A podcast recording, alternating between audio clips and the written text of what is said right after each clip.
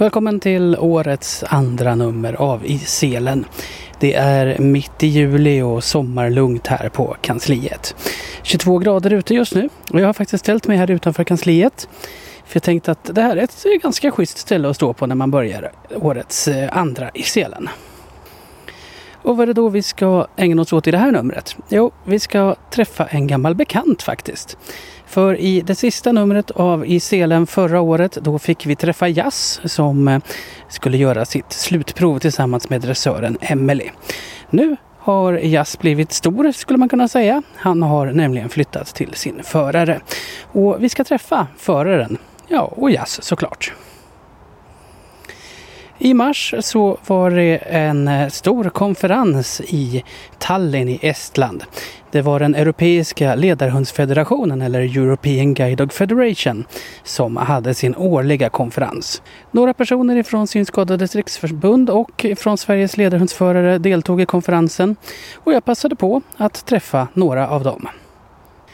Innan jag ger mig in i studion där Lena Ridemar, chef för ledarhundsverksamheten, väntar på mig så kan jag ju berätta att I selen alltså är en tidning för dig med ledarhund. Och den skickas till alla som har en dispositionsrätt för ledarhund i Sverige. Alltså även till dig som fortfarande står och väntar på din första ledarhund. Men nu är det dags för mig att gå in och träffa Lena. Vi ska bland annat prata om brukarråd. Det har avhandlats eh, bland annat väntelistan, det har pratats om Skaka tass-kampanjen och så ska vi få veta det senaste om vad som händer med en eventuell flytt av ledarhundsverksamheten till Myndigheten för delaktighet. Så ja, jag tar helt enkelt och går in i den svala studion till Lena.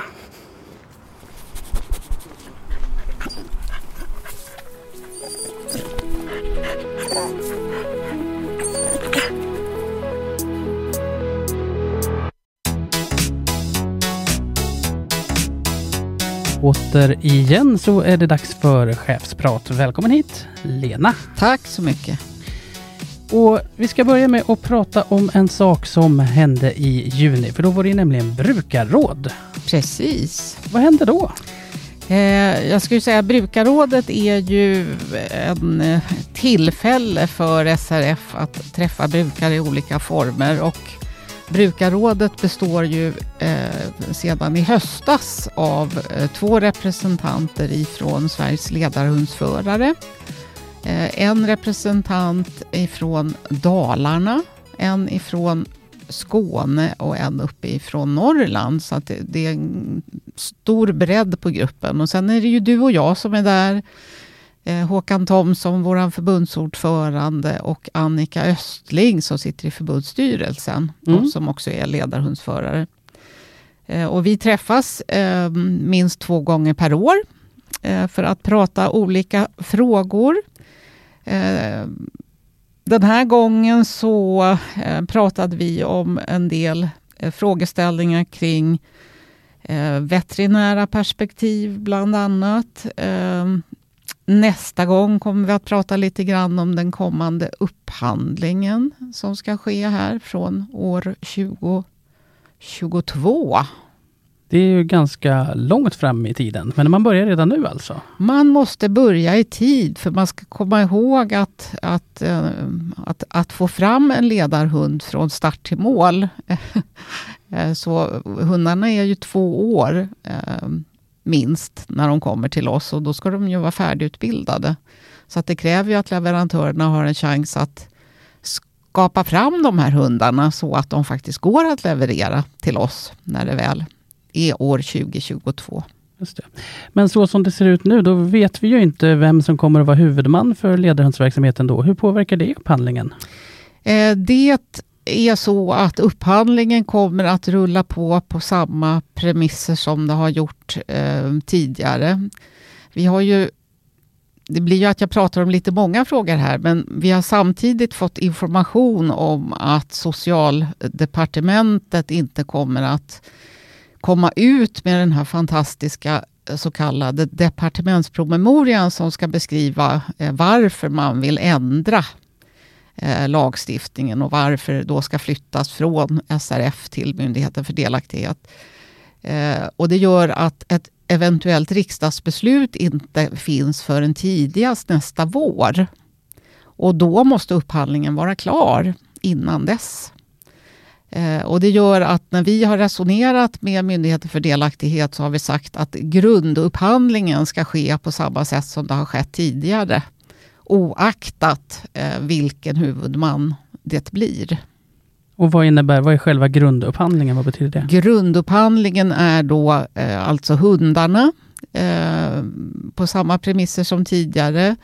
Eh, samträningen kommer eh, att ligga med, men sen är det ju så att Myndigheten för delaktighet, om de skulle bli huvudman, då ska de upphandla i stort sett allting. Eh, och då kan de välja att göra en extra upphandling eh, som handlar om support och kurser och allt vad det nu är för någonting. Eh, men den ligger då inte med i själva huvudupphandlingen som ska vara möjlig även om SRF är kvar som huvudman. Okej. Okay. Vet vi någonting om varför den här departementspromemorian dröjer? Nej, det gör vi egentligen inte. Eh, jag kan ju ägna mig åt avdelningen gissningar, att den här frågan inte står högst på den politiska dagordningen. Och det gör att dyker upp andra viktigare frågor så lägger man det här åt sidan. Det kan vara en förklaring. Eh, det ryktas eh, också om att man planerar att se över diskrimineringslagstiftningen, möjligen kopplat till ledarhundsförare. Eh, att få komma in på restauranger och annat. Och det kan ju vara att man då förbereder två lagändringar och då tar det lite mer tid. Så att, ja, vi får se. Men rent teoretiskt, hur, hur långt fram i tiden skulle de kunna skjuta på den här departementspromemorian? Ja, rent teoretiskt kan de ju hålla på att skjuta det här framför sig hela sitt liv, tänkte jag säga. Eh, men det är ju olyckligt för oss alla att, att eh, det inte liksom kommer till beslut. Så att eh, eventuellt då nu så handlar det om att vi skulle få ett beslut före sommaren nästa år. Och det gör ju att verksamhetsflytten eh, med all sannolikhet då inte heller kan genomföras förrän året därpå. Och då är vi framme på år 2021. Eh, skjuts det igen, ja då skjuts ju tidpunkten också. Det här för oss ju lite eh, osökt in på SRFs eh, kampanj som heter Skaka tass. För den var ju också uppe till diskussion under brukarrådet eftersom föreningen Sveriges ledarhundsförare har varit lite kritiska till den. Ja, eh, SRF eh, fick ett uttalande från eh, SLHF som eh, hade rubriken Sluta skaka tass.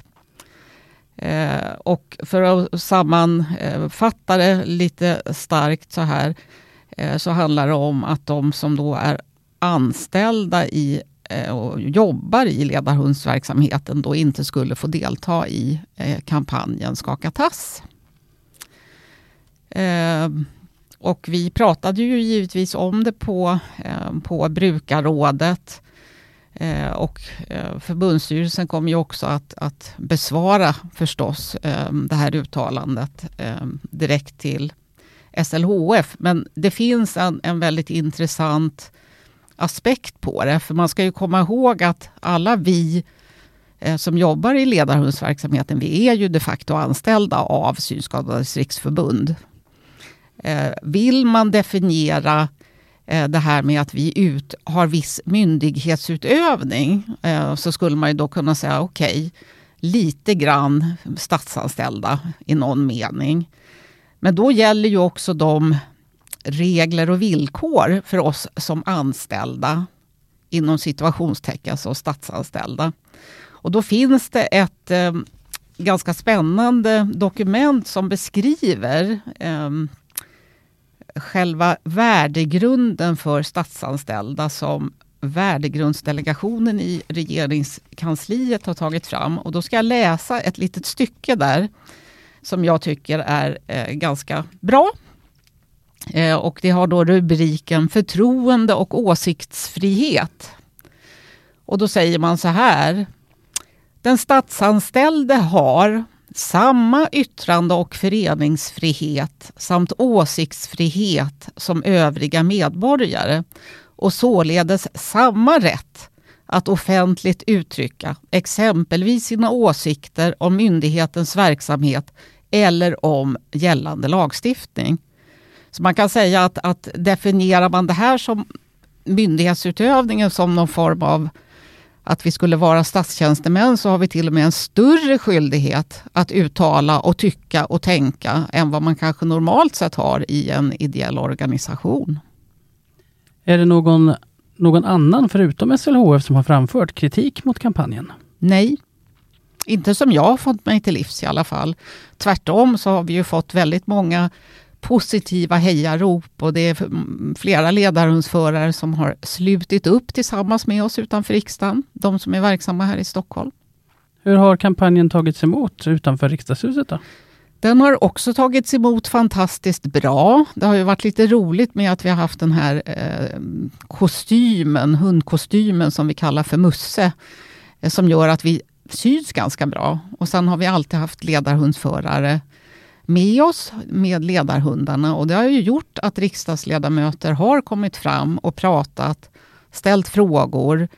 Eh, det är igenkänning nästa gång vi står där igen. Eh, vi har ju skakat tass med, jag tror det är riks, sex, eh, 19 riksdagsledamöter vid det här laget. Vilket är jätteroligt. Så att det har varit väldigt positiva reaktioner. Vi har eh, träffat eh, sju av åtta partier som faktiskt har kommit fram till oss där vi står utanför riksdagen. Och det är ju fantastiskt bra. En synpunkt som har riktats mot den här kampanjen, bland annat i sociala medier, har ju handlat just om den utklädda hunden och att det skulle göra kampanjen mindre seriös. Är det någonting som, som ni har funderat kring? Eh, det fanns eh, en del som hade den farhågan innan vi drog igång. Eh, men nu kan vi ju konstatera att det har inte på något sätt påverkat ser seriositeten. Därför att diskussionerna som vi har tagit där vi har stått där har ju varit på fullaste allvar. Däremot så har, har vi synts bättre genom den här hunden. Och många riksdagsledamöter har tyckt att det var ett roligt och trevligt tillfälle att bli fotograferade med den här hunden när vi skakar tass. Eh, och en del av de bilderna har ju vi eh, från SRF då lagt upp i sociala medier också. Ett annat ämne som var uppe på brukarrådet, det var den, eh, ja, den beryktade väntelistan och när man faktiskt får eh, vara en del av den. Kan du berätta lite mer om det? Ja, eh, det har ju varit så i ja, mer än två år i alla fall nu att för att stå på väntelistan så ska man då inte ha en ledarhund i tjänst. Och det är en förhållandevis enkel Ehm, enkel regel. Det gör ju att om jag då har en ledarhund som ehm, börjar bli till åren till exempel eh, och det kanske är dags att ta hunden ur tjänst eh, så ska hunden tas ur tjänst innan man kommer på väntelistan för att få köa för en ny hund. Det här har varit lite kontroversiellt. Det är en del som hört av sig och tycker att, att deras situation är unik och att de borde eh, kunna få bli undantag och så. Eh, men här är det för oss väldigt viktigt att verksamheten är rättssäker och transparent, att samma regler gäller för alla. Och Det innebär att man kan inte stå på väntelistan förrän hunden är tagen ur tjänst. Men om man då tar sin hund ur tjänst men fortfarande har den kvar som, som en privat sällskapshund i hemmet, vad gäller då? Eh, det som gäller då och som har gällt också eh, under flera år, det är ju att om jag lever som ensamstående person eh, så kan jag inte ställa mig på väntelistan så länge jag har den här sällskapshunden kvar. Lever jag däremot i en parrelation så kan ju min partner ta över hunden på gåvobrev och jag kan själv ställa mig eh, på väntelista för en ny ledarhund. Eller att det är någon bekant som kanske kan ta över hunden på gåvobrev. Då är det ju samma princip. Mm. Så, så i klartext, så, så för att få stå på väntelistan så ska hunden vara tagen ur tjänst och den ska inte finnas kvar i förarens ägo, så att säga. Precis. Klart och tydligt. Jajamensan. Och det här med att ta hunden ur tjänst, det diskuterades ju också. Det här med 11 års eh, gränsen. Det har vi, vi var ju inne och pratade lite om det i förra i selen också, men det kanske kan vara bra att vi pratar lite till om det, för det var ju uppe på brukarrådet också. Absolut. Eh, vi har ju infört eh, en regel att eh, det året som hundarna fyller 10 år så ska man genomgå en seniorkontroll. Detta har jag fått väldigt, väldigt fin feedback på från många förare, att man tycker det var en, ett väldigt bra beslut. Det som är sagt är då att om man vid den här seniorkontrollen är frisk och kry och pigg och klar som ledarhund eh, så kan man få fortsätta eh, upp till 11 år, alltså ytterligare ett år.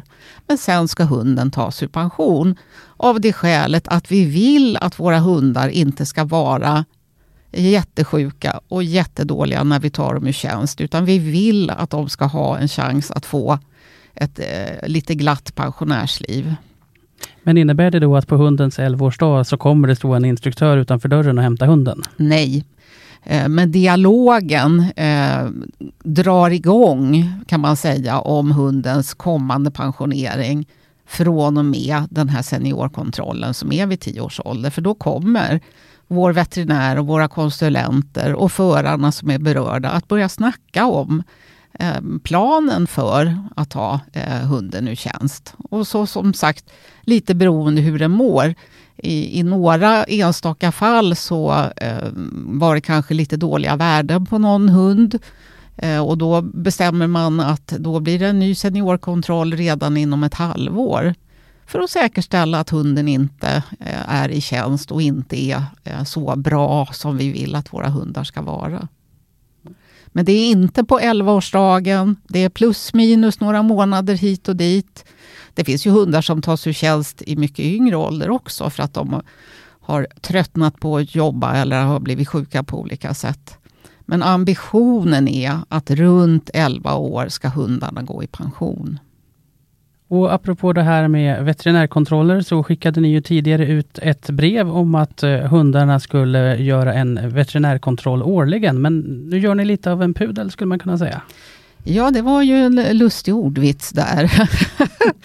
Eh, ja, vi gör nog en liten pudel av det skälet att eh, väldigt många ledarhundsförare besöker ju veterinären en eller flera gånger under ett år. Och då sker oftast en eh, hälsokontroll av hunden som vi får återkopplingar på.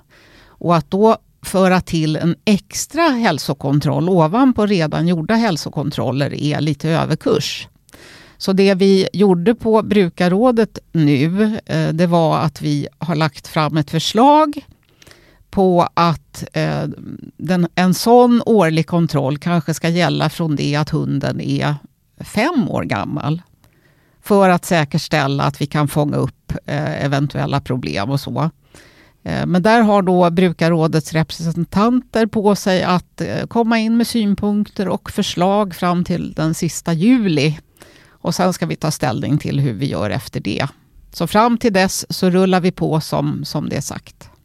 När eh, läsarna av Iselen får den här tidningen, då är det mitt i sommaren och semestertider. Vad ska du själv göra i sommar, Lena? Åh, jag ska bara vara och ha det bra och hänga med min katt som jag har, som är kanske inte fullt så vältränad som ledarhundarna, så att jag får väl en härlig sommar. Nej, jag ska vara ute mycket, röra på mig mycket, hoppas jag. Eh, och må ännu bättre när jag kommer tillbaka efter semestern. Mm. Du har ännu inte blivit så påverkad av verksamheten att du har blivit med egen hund? Nej, av det skälet att eh, jag skulle inte göra så mot min katt. Eh, för det handlar ju om att, att djuren ska tycka att livet är trevligt och bra och så. Och det skulle nog inte min katt göra. Då Lena, tack för att du kom hit och eh, ha en riktigt härlig sommar så ses vi igen i höst. Tack detsamma. Hej! I slutet på mars anordnade den Europeiska ledarhundsfederationen, EGDF, en konferens i Tallinn i Estland. Från Sverige så deltog både Synskadades riksförbund och föreningen Sveriges ledarhundsförare. I lobbyn på konferenshotellet, som var under renovering under konferensen, så träffade jag Annika Östling från SRF och Matilda Wedel Dyring från SLHF. För Annika så var det andra gången på en EGDF-konferens och hon gillar konferenserna, även om hon tycker att organisationen kunde vara lite bättre. Själv har jag ju kanske lärt mig lite hur det är upplagt, så jag tyckte det gick lite lättare att hänga med. Ja, kommer inte ut några handlingar innan programmet eh, fick vi se samma dag som vi kom hit. Då är det inte så lätt att ha förberett sig och ha lite framförhållning i vad man ska tänka på och ta med sig. Och så. Vad innehöll programmet då som du tyckte var intressant? Jag tyckte det var intressant det här med de olika standardiseringsgrupperna. Det pågår ju ett arbete på europeisk nivå att standardisera terminologi till exempel. Hur ska vi uttrycka oss för att alla ska prata samma språk kring, de vill ju kalla det för assistanshundar. Eh, och ehm, de andra grupperna handlar ju om lite andra saker där det finns ju ett ifrågasättande kan jag tänka eh, när jag tar med mig de tankarna hem. Jag kände mig inte riktigt överens med allt det som kom fram. Nej, det, det har börjat pratas ganska mycket om eh, att utbilda sina ledarhundar själv. Och det är ju ingenting som förekommer i Sverige idag. Hur, hur ser du på det? Nej, det, det ser jag inte skulle vara funktionellt överhuvudtaget. Varför inte? Därför att eh, det är så viktigt vad du får tag på för hund från eh, början, alltså grund, eh, liksom ämnet till eh, blivande ledarhund. Och hittar du inte rätt, hur ska du göra då med den individ som du redan har? Och sen har vi ju inte det viktigaste dressyrsinnet, synen. Hur ska vi kunna bibringa hunden allt det där vi inte själva ser vad det är som kommer i vägen så att vi kan visa och lära vår hund.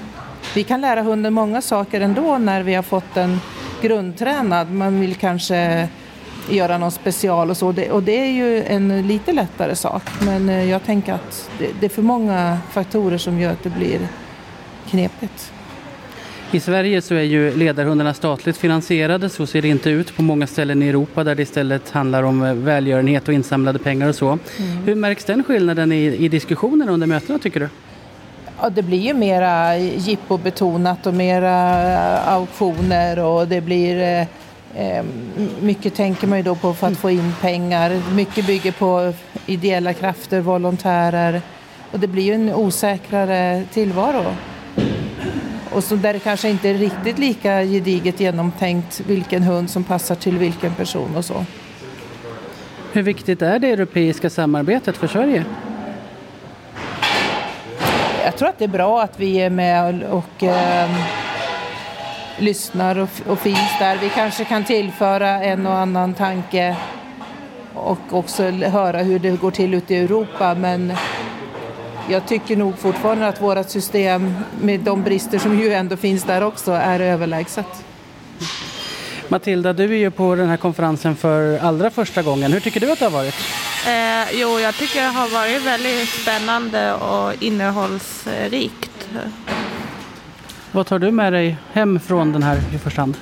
Eh, ja, hur det är att ha eh, ledarhund i Europa, hur, hur det fungerar utomlands med hund. Eh, sen tyckte jag det var väldigt eh, spännande att höra att de hade som ett eh, fack när man blev diskriminerad med att inte komma in med ledarhund. Att de hjälper till och för ens talan om man inte kan göra det. Är det någonting som du tror att skulle kunna fungera bra i Sverige? Ja, så småningom kanske det skulle vara bra och kanske skulle kunna fungera. Hur, vad tycker du om samarbetet i Europa då? Tror du att det är viktigt? Ja, jag tror det är eh, viktigt och innehållsrikt att eh, man, man ser hur det fungerar i Europa eh, och ser att vara med. Kommer du vilja åka på fler liknande konferenser i framtiden? Ja, det skulle jag gärna vilja för man läser mycket på de här resorna. Eh, som man kan ta med sig hem. Och, och Under konferensen så hade EGDF också sitt årsmöte och där valdes för första gången en svensk in i organisationens styrelse. Finn Hellman, som också är styrelseledamot i SLHF, adjungerades till EGDF-styrelsen redan 2017, men valdes nu in som fullvärdig medlem i styrelsen. Ja, men jag tycker att det är väldigt viktigt att Sverige, vårt lilla land, har mycket internationella kontakter så att vi får influenser utifrån och få se hur det funkar på andra håll och kanter. Ehm, så det är mest för att det kan vara väldigt bra för svensk eh, ledarhundsverksamhet i bred mening att få influenser utifrån. Sen hoppas jag ju att vi kanske kan bidra med någonting också men i de, i de här frågorna så tror jag nog att vi har mer att få än att ge, är jag rädd. Men det var framförallt därför. Vad tänker du att, vi, att Sverige skulle kunna få genom ditt engagemang i EGDF? Ja, men bara det här att, att träffa ledarhundsförare från andra europeiska länder och se vilka raser som de har i respektive land och hur deras lagstiftning funkar och vad man får göra och inte får göra som ledarhundsförare på olika håll och kanter. Helt enkelt sådana saker och sen kanske att vi lär oss lite grann om hur man kan jobba med de här frågorna i EU och att vi kan ta hjälp av EU, att det kan gagna oss någon gång. Eh, för att vi har ju haft väldigt svårt att få till en bra lagstiftning på ett nationellt plan i Sverige. Det har ju jag och andra jobbat med mer än tio år nu, väldigt intensivt och det, det är ju jättesvårt att få till det. Men kanske att man kan gå den här vägen tänker jag och få till någonting på EU-nivå som tvingar Sverige till att anpassa sig. Det skojas lite här på konferensen om att Sverige gör allting på sitt eget sätt och du har ju redan varit eh, adjungerad i EGDF-styrelsen ett tag. Upplever du att är Sverige så annorlunda mot resten av Europa när det gäller ledarhundar? Vi skiljer oss väl åt på en hel del sätt, det kan man nog säga. Men just de här skämten har väl handlat lite om att vi kommer i tid och sådana här grejer tror jag. Men eh, så vi skiljer oss ju åt även när det gäller föreningslivet. Så vi är ju väldigt ordentliga och begär ordet och sånt där. Här kanske det gastas lite mer rakt ut och, och så. Eh, men vi skiljer oss väl kanske på så sätt att många länder har ju inte sån här skattefinansierad ledarhundsverksamhet som vi har utan de måste ju hålla på med olika välgörenhetsjippon av olika slag och det är ju allt ifrån att hålla sig väl med rika personer som kanske vill vara beskyddare, som de kallar det för, åt eh, ledarhundsverksamheten i, i respektive land då. Eller att man gör såna här eh, Igår till exempel på galamiddagen så fick vi vara med om en slags, vad man ska kalla det för, auktion tror jag närmast man kan säga och då bjuder ju folk på olika prylar som utauktioneras men prylarna kanske man har fått tag i billigt eller något företag eller någon har skänkt dem. Så det är också, egentligen är det ett sätt bara att få in pengar, att få folk att, att skänka en slant. Ehm, men man gör det på det här sättet.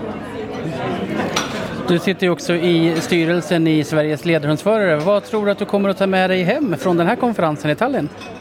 Alltså jag skulle ju hemskt gärna vilja att vi arrangerade någonting sånt här någon gång. Det har jag ju tyckt förut och jag tycker det ännu mer nu. Så jag ska försöka ta med mig, jag ska försöka återberätta det här för SLHF styrelse så entusiastiskt och sälja in det så gott jag kan och säga att det vore ju underbart om vi kunde göra en sån här konferens. Men återigen, jag tror att det kan vara ganska svårt i Sverige för att vi måste göra det på vårt sätt utifrån de förutsättningar som vi har. Just det här att det kommer nog inte komma någon eh, rik person och, och donera 500 000 utan vi måste få tag i dem på något annat sätt med olika bidrag och sådär. Eh, och det kan vara ganska svårt. Som en del av ditt eh, nya EGDF-uppdrag så fick du också vara med och träffa Estlands president här under besöket i Tallinn. Hur var det? Det var jättekul, jätteintressant. Det är, eh, jag har ju träffat en del svenska höjdare förut och, eh, och att, att man är lite mera, ska man säga, jordnära i Sverige, det kanske inte är så konstigt. Det är inte så långt mellan toppolitiker i Sverige och folket som det är i många andra länder. Men här Och i många andra länder så är det ju livvakter och det är beväpnad militär och det är ganska stort avstånd. Men hon var väldigt eh, avslappnad och eh, vi satt i några soffor och fåtöljer och drack kaffe och eh, käkade hallon och blåbär och chokladbitar och hon lyssnade väldigt intresserat på vad vi hade att säga. Mm, vad pratade ni om? Ja, men dels så var det ju eh, en tjej från eh, den estniska ledarhundsföreningen som har arrangerat konferensen här väldigt mycket. Hon pratade ju en del om den estniska situationen och eh, David Adams som ju är ordförande för e- EGDF, han pratade ju mera generellt om situationen i, i Europa och eh, jag berättade lite om Sverige för att det är ju många som blir ganska förvånade när de hör hur vi har det i Sverige för att vi har ju fortfarande ett rykte ute i världen om att vara socialt progressiva och så. Så det är många som inte riktigt tror nästan när man beskriver hur vi har det när det gäller ledar, ledarhundsfrågorna. Så det var en kombination av lite sådär snickelisnack eh, om väder och vind och väldigt djupa frågor som till exempel det här med hur mycket ska ske på frivillig väg när det gäller samhällets eh, acceptans av oss som använder ledarhund och hur mycket ska ske lagstiftningsvägen, hur mycket kan man liksom tvinga fram? Så vi kom in på sådana diskussioner trots att vi egentligen bara hade någon kvart på oss. Och det är väl det som kan vara lite frustrerande att känna, att man vill säga så mycket men samtidigt så måste man ju välja några saker att ta upp, det går ju inte att ta upp allting och så har man ganska kort om tid. Om du fick eh, göra ett motsvarande besök hos Sveriges statsminister, vad skulle du vilja ta upp för saker då? Då skulle jag vilja ta upp eh, det gamla vanliga om, om att vi behöver en skarpare, tydligare lagstiftning som skyddar ledarhundsförare mot diskriminering. Det är det ena. Det andra är att om man jämför oss med många andra jämförbara länder så har ju vi få ledarhundsekipage. Eh, senaste siffran jag hörde nu låg någonting på 260 däromkring och det är ju jättefå. Alltså i Norge är de ju dubbelt så många som vi trots att de är hälften så många i befolkningen totalt sett. Och det är ju proportionerligt så skulle vi säkert kunna vara tusen ekipage om man jämför med England och Tyskland och så. Och då måste man ju fråga sig varför är de fler eh, på andra ställen? I England beror det ju på att det är välgörenhet som finansierar så där finns det ju liksom inget tak som sätter stopp. Det är inte så att bidraget plötsligt är slut som det är i Sverige. Men i Norge så är det ju skattefinansierat så uppenbarligen kan man ju få fler ledarhundar skattefinansierade vägen också. Så jag tycker inte att det är helt givet men någon form av diskussion om hur vi faktiskt kan bli fler för det är ju uppenbart att fler synskadade skulle ha behov av ledarhund och blev vi fler då tror jag att vi kunde uppnå det här som man ibland kallar för kritisk massa, nämligen när man uppnår ett visst antal utav någonting så börjar saker hända. Det är ju ett uttryck man har lånat från kemin. Eh, så att blev vi kanske 500 ledarhundsförare eller mer så kanske det i sig skulle leda till att vi kom in på många fler ställen och så därför att vi, vi blev vanligare i gatubilden. De sakerna skulle jag vilja fokusera på. När ska du bjuda in dig själv till Stefan Löfven då? ja, eh, SLHF eh, funderar ju på att höra av sig till toppolitiker nu i samband med ledarhundens dag. Så att jag kommer väl på sätt och vis att bjuda in mig kan man säga i samband med det då. Sen är jag inte säker på att det är han som kommer att ta emot oss men eh, jag skulle gärna vilja att, att någon höjdare från varje parti träffade oss väldigt snart. Eh, och det är ju intressant att tänka sig att EGDF har ju alltså träffat för förra gången, för när det var konferens, i november 2017 måste väl det ha varit. Mm. Då träffade vi ju Maltas president och nu träffar vi Estlands president. Så vi har ju verkligen träffat, det är ju som om man skulle träffa kungen i Sverige. Mm. Så det är intressant också att se hur olika vi tas emot i olika länder. Det, de finaste vi har träffat i Sverige är väl demokratiministrarna. Eh, där har vi träffat eh, Erik Ullenhag och ja, det är väl i stort sett bara han vi har träffat på den nivån. Så du hoppas på en nästa GDF-konferens i Sverige och med eh, kungligt besök eller statsministerbesök? Jag skulle föredra statsministern före kungen, men eh, varför inte? Det, hela hovet kan få komma, bara, bara vi får, får en förbättrad situation så de har ju dessutom erfarenheter utav labradorer, eh, kungafamiljen, så att eh, vem vet, de kanske har någonting att, att tillföra till och med. Och det sa Finn Hellman, styrelseledamot både i Sveriges ledarhundsförare och i European Guide Dog Federation. I sista numret av I selen förra året så stiftade vi bekantskap med den svarta labradorkillen Jazz. Vi var med när han gjorde sitt slutprov, examen, för att bli ledarhund. Och slutprovet det gick ju bra och efter några månader var det dags för Jazz att flytta från dressören Emily i Nynäshamn till sin nya förare, Gördis Lindström i Boden. Och Gördis, hon är en veteran när det gäller att ha ledarhund. Ja, hör du, Jazz är min sjätte hund i ordningen. Faktiskt. När, när fick du din första hund? Det var 86. Det var Tosca först, men henne hade jag inte mer än ett år för att det funkade inte så bra. Och sen så fick jag Fia, henne hade jag tio år. Och så var det Tessan som jag hade i nästan tio år. Och Ina som jag hade i nio år. Och lilla Sara som jag hade bara åtta veckor. Och sen så blev det Jazz. Som jag fick i oktober i fjol.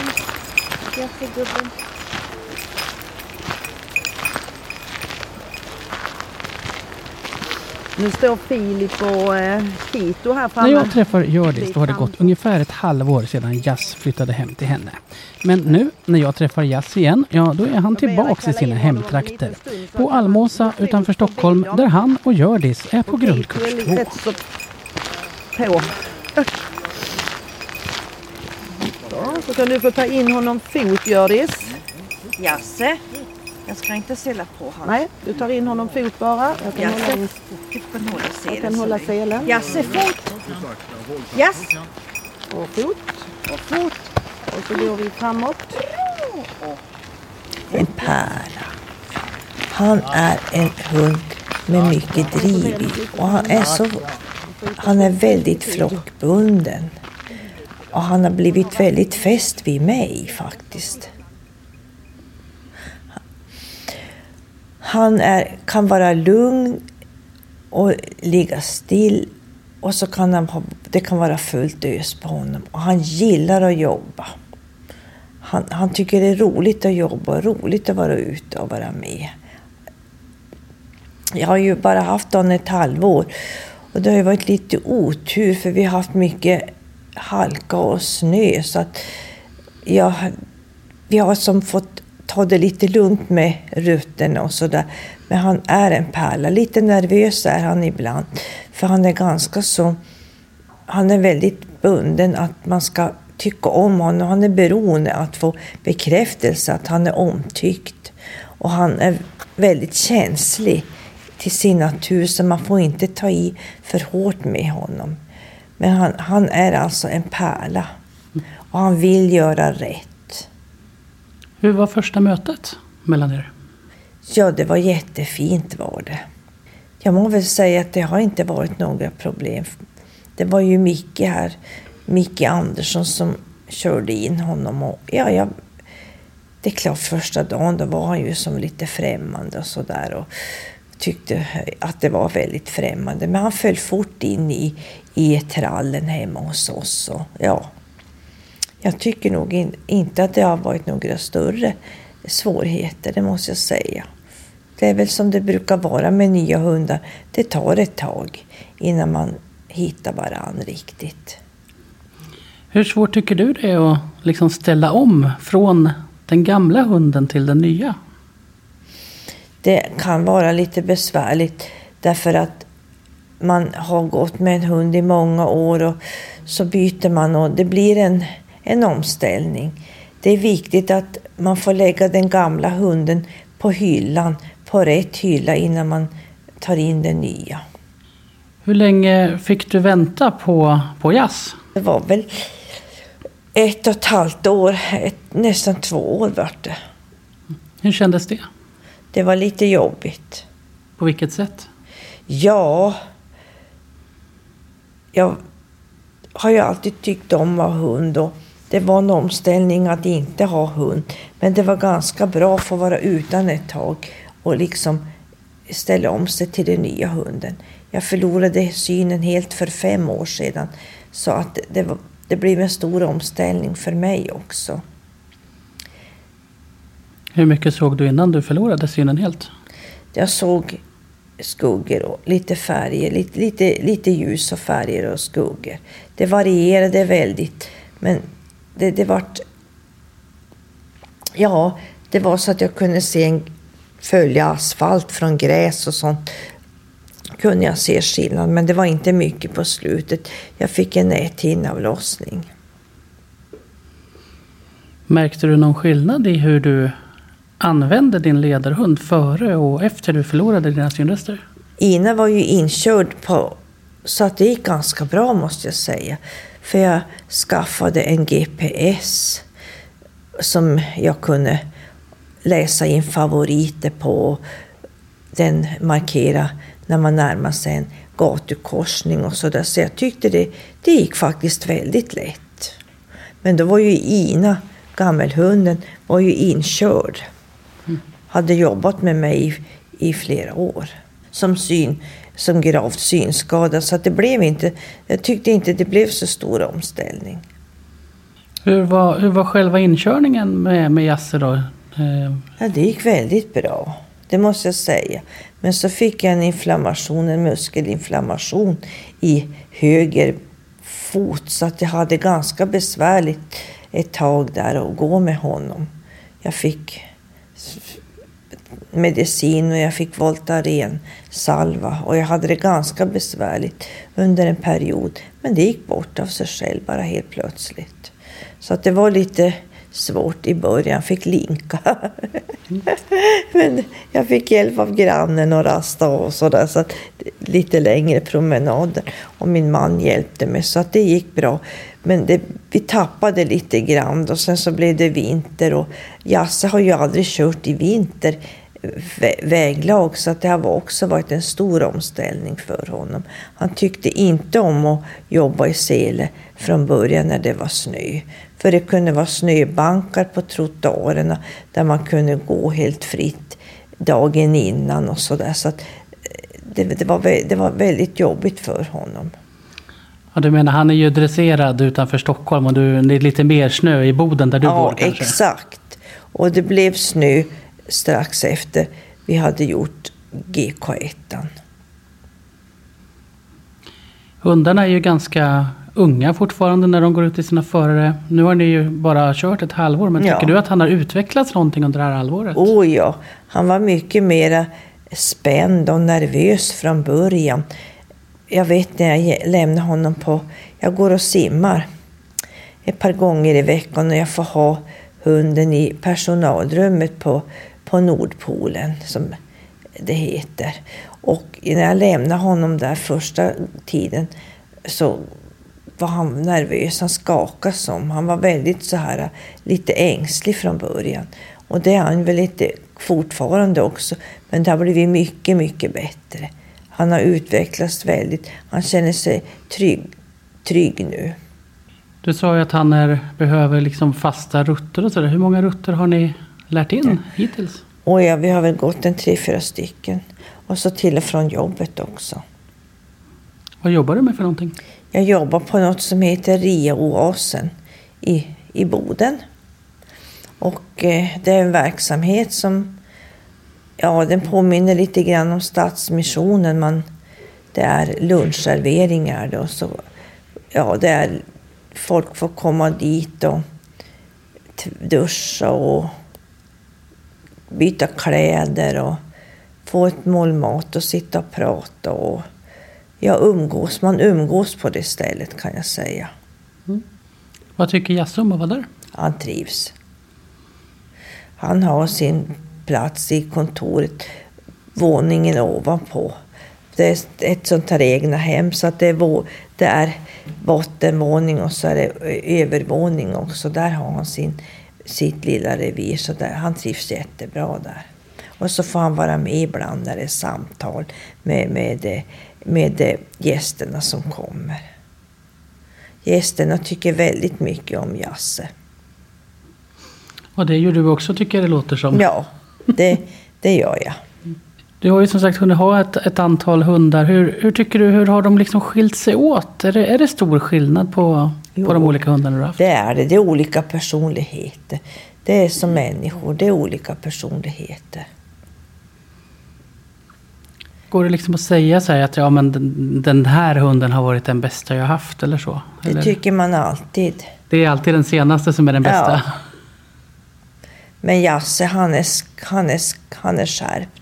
Och nu befinner vi oss på Almåsa ja. där ni är på er grundkurs 2. Ja. Det är visserligen bara andra dagen på den, men hur, hur känns den här kursen tycker du? Jag tycker det är väldigt bra. Man får, vi har tränat eh, lydnad och så har vi ja, det här att eh, kanthållning och vi, har, vi ska träna hinderbana ikväll. Eller lite senare här i eftermiddag. Och det är sånt som jag vill träna med Jasse. Och just det här att man går, ställer sig på rad och så får man gå förbi an, andra hundar och sådär. Lite retningar och lite ätstörningar och sånt. Och det är väldigt bra träning, tycker jag. Att, att eh, det är bra för hundarna att få träna och få jobba i lite olika miljöer. Det blir en kick för dem. Du är ju en väldigt rutinerad förare naturligtvis som du har haft hund sedan, sedan 86. Men vad tycker du om erfarenhetsutbytet på de här kurserna? Bra. Det tycker jag är väldigt bra. Vad är det som är bra med det?